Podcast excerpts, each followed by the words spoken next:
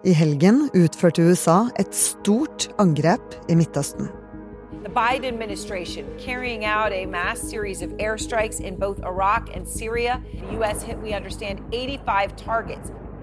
But as President Biden has made clear, we will not hesitate to defend our people and hold responsible all those who harm Americans.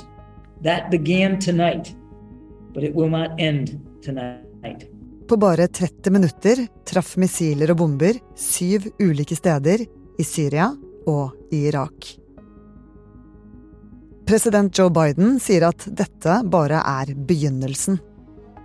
Men målet for angrepene handler ikke om Syria og Irak.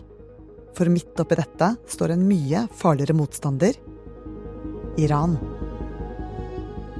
Du hører på Forklart fra Aftenposten. Hver dag tar vi for oss én nyhetssak og gir deg det du trenger for å forstå. I dag om USAs angrep i Syria og Irak, og hvilke utfall alt dette kan få. Det er tirsdag 6. februar, og jeg heter Synne Søhol.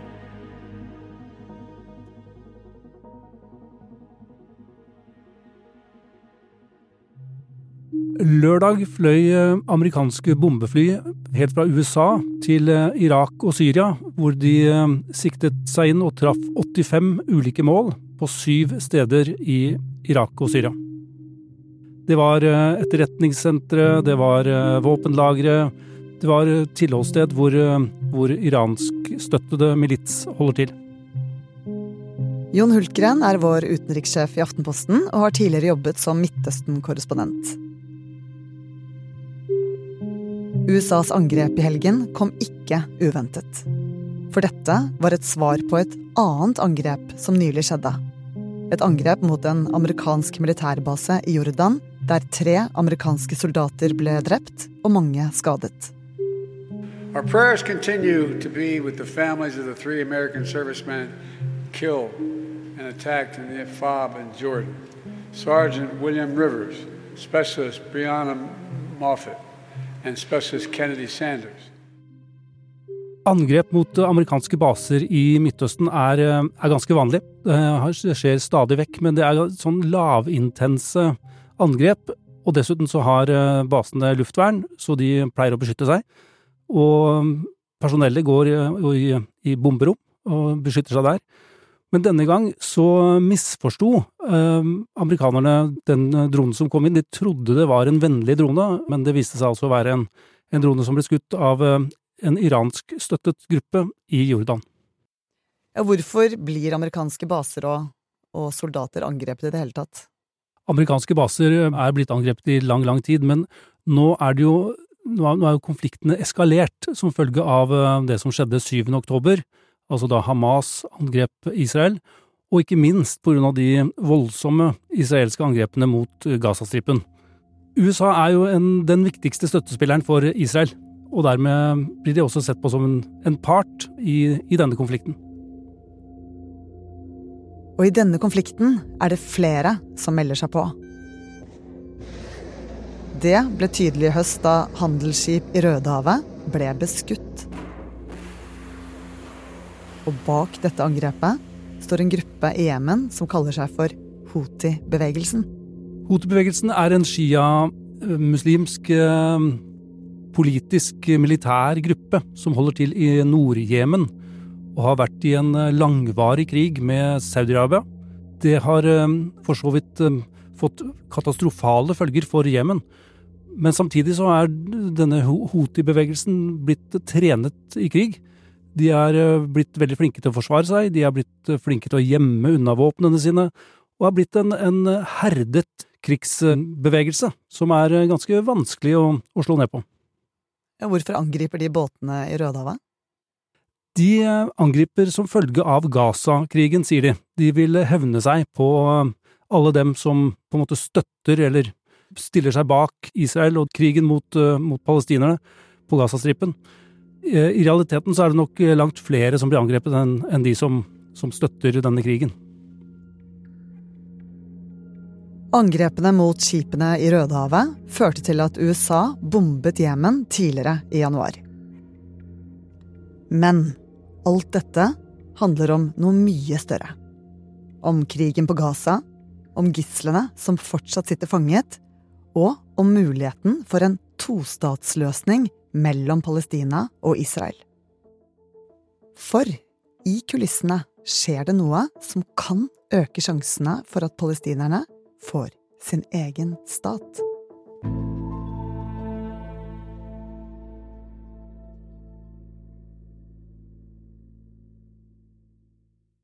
I helgen ble altså 85 mål på syv ulike steder angrepet av amerikanske missiler. Er det et stort angrep? Ja, det er absolutt et, et, stort angrep. Det kan faktisk være det største angrepet som, eh, som amerikanerne har rettet mot uh, den iranske revolusjonsgarden noen gang. Men USA svarte jo ganske mye kraftigere enn angrepet mot den militærbasen der tre soldater ble drept. Hvordan kan de forsvare det store angrepet nå? Ja, dette er jo en balansegang, da. USA vil eh, vise seg eh, kraftfulle. De vil eh, vise at de mener alvor, og at, at det skal koste å angripe dem.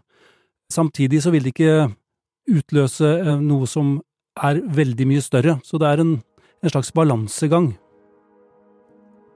Spenningsnivået i Midtøsten er høyt. Og når USA angriper mål i Syria og Irak, så er det egentlig en annen mektig fiende de vil ramme. Iran.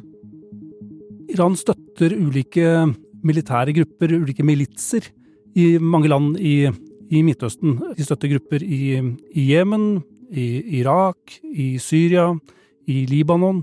Alt sammen er jo for å, å sikre sin egen makt. Altså, de kan utøve makt gjennom disse proxy-gruppene, altså disse militsene og på den måten eh, utgjøre en, en maktfaktor i en rekke ulike land.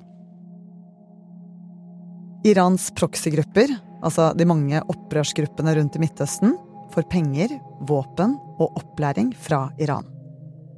Og en av dem Hamas på Gazastripen.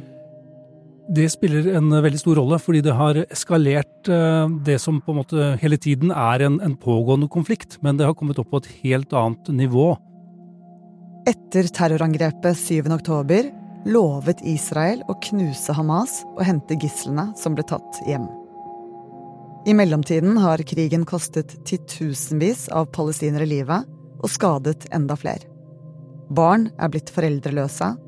Mange palestinere er fanget i israelske fengsler. De som er igjen på Gazastripen, står overfor en humanitær katastrofe. Men forhandlingene om de israelske gislene som fortsatt holdes fanget, spiller en viktig rolle i det som skjer nå. Familien deres er jo selvfølgelig desperate etter å få dem ut. Vi har hørt litt om hvilke forhold de lever under, av folk som har sluppet ut eh, under eh, tidligere våpenhvileavtaler. Det pågår forhandlinger, og det har pågått forhandlinger ganske lenge. Noen gisler er jo allerede løslatt etter at det ble en, en relativt kortvarig våpenhvile. Og nå pågår det da forhandlinger for å få løslatt resten Det er over 100 gisler som sitter igjen. I disse forhandlingene så deltar Qatar, Hamas, Israel og USA. Det er forhandlinger som har pågått flere steder. De har eh, forhandlet i, eh, i Kairo, Egypts hovedstad, de har vært i Qatar, de har vært i Paris. Og hele, hele tiden er jo målet da å få løslatt gislene, og så er spørsmålet hva skal til for at Hamas skal, skal sette fri gislene? Men det pågår også en annen forhandling i kulissene. En forhandling som startet før krigen brøt ut, og som kan endre maktbalansen i Midtøsten. Allerede lenge før krigen så var det forhandlinger mellom Israel og, og flere arabiske stater. Og det ble også inngått avtaler. Det var USA som sto bak, eh, egentlig, og fikk forhandlet frem avtaler mellom eh, De forente arabiske emirater og Israel, og Bahrain og Israel, blant annet. De forhandler jo da om eh, å normalisere forholdet, som det kalles. I praksis er det at man åpner ambassade hos hverandre, inngår diplomatiske forbindelser, og dermed også handel og forskning og alt det som, som land samarbeider om.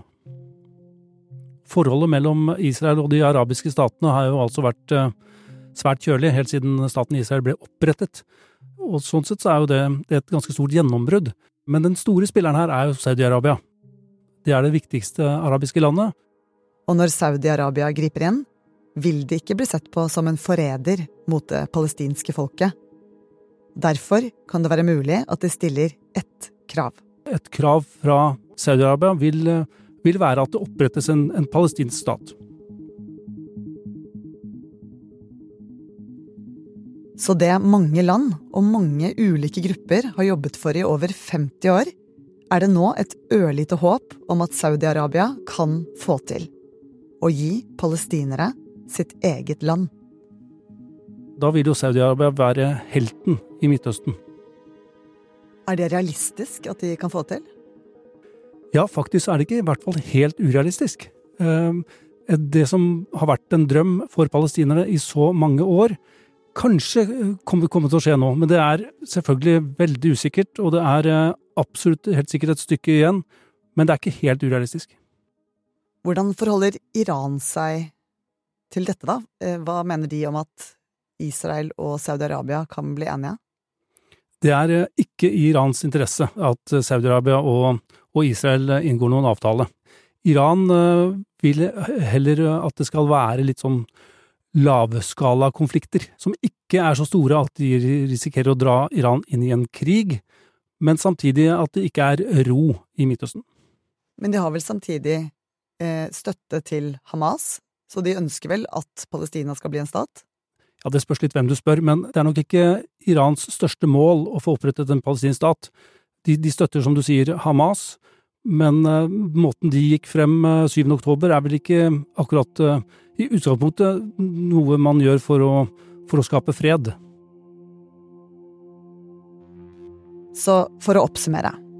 USAs svar mot Syria og Irak i helgen handler om en sammensatt og vanskelig konflikt i Midtøsten. Det handler om krigen på Gazastripen, forhandlingene om israelske gisler og Saudi-Arabia som ser en mulighet til å få en enda sterkere posisjon. Samtidig ønsker Iran mer uro. Og proxy-gruppene deres kan fortsatt skape trøbbel ved å angripe transportskip i Rødehavet og amerikanske militærbaser. Og da kan det komme flere av det Biden kaller svar. Det han mener med det, er å sende et veldig klart signal om at eh, USA vil vise styrke, og at det vil eh, ha en høy pris hvis eh, angrepene mot amerikanske baser fortsetter. Er det fare for at USA kan angripe Iran direkte? Jeg tror den risikoen er ganske lav. Så vidt jeg vet, så har aldri USA angrepet Iran direkte. De retter i stedet angrepene inn mot eh, disse militsgruppene, og dermed også ganske ofte iranske soldater som er i nabolandene. Hvor farlig er den situasjonen nå? Hva skal til for at konflikten kan eskalere? Ja, det er absolutt en risiko for det. Fordi eh, når man holder på med denne typen angrep, så kan det skje uhell. Det kan eh, være at eh, et angrep får helt andre, og da kanskje mye større konsekvenser enn man hadde tenkt det skulle få. Og da kan det jo eskalere veldig igjen, da. Så det er absolutt en risiko for at det kan, at det kan gå verre enn det ser ut som nå. En mulighet er at det fortsetter som nå, at vi fortsetter med sånn relativt lavskala konfliktkrig, og så kan det jo dessverre bli enda mye verre. Det kan jo være at, at man får en episode hvor eh, det tar helt av. Og så er det også en, en slags mulighet, i hvert fall, for at uh, vi kan ende opp med en palestinsk stat. Og da en israelsk og palestinsk stat som, som lever side ved side. Riktignok en demilitarisert palestinsk stat, men likevel en stat.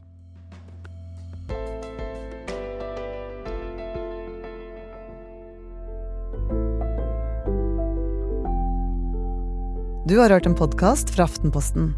Det var utenrikssjef Jon Hultgren som forklarte deg angrepene i Midtøsten. Denne episoden er laget av produsent Fride Næss Nonstad, Olav Eggesvik og meg, Synne Søhol. Resten av Forklart er David Vekoni, Heidi Akselsen og Anders Weberg. Lyden du hørte, er fra nyhetsbyrået AP og CNN. Hvis du liker å høre på Forklart, så kan du også følge oss i Spotify. Her publiserer vi en ny episode hver ukedag, helt gratis. Og hvis du har et tips på et tema, eller ønsker å gi oss tilbakemelding på en episode, så kan du sende e-post til forklart at aftenposten.no.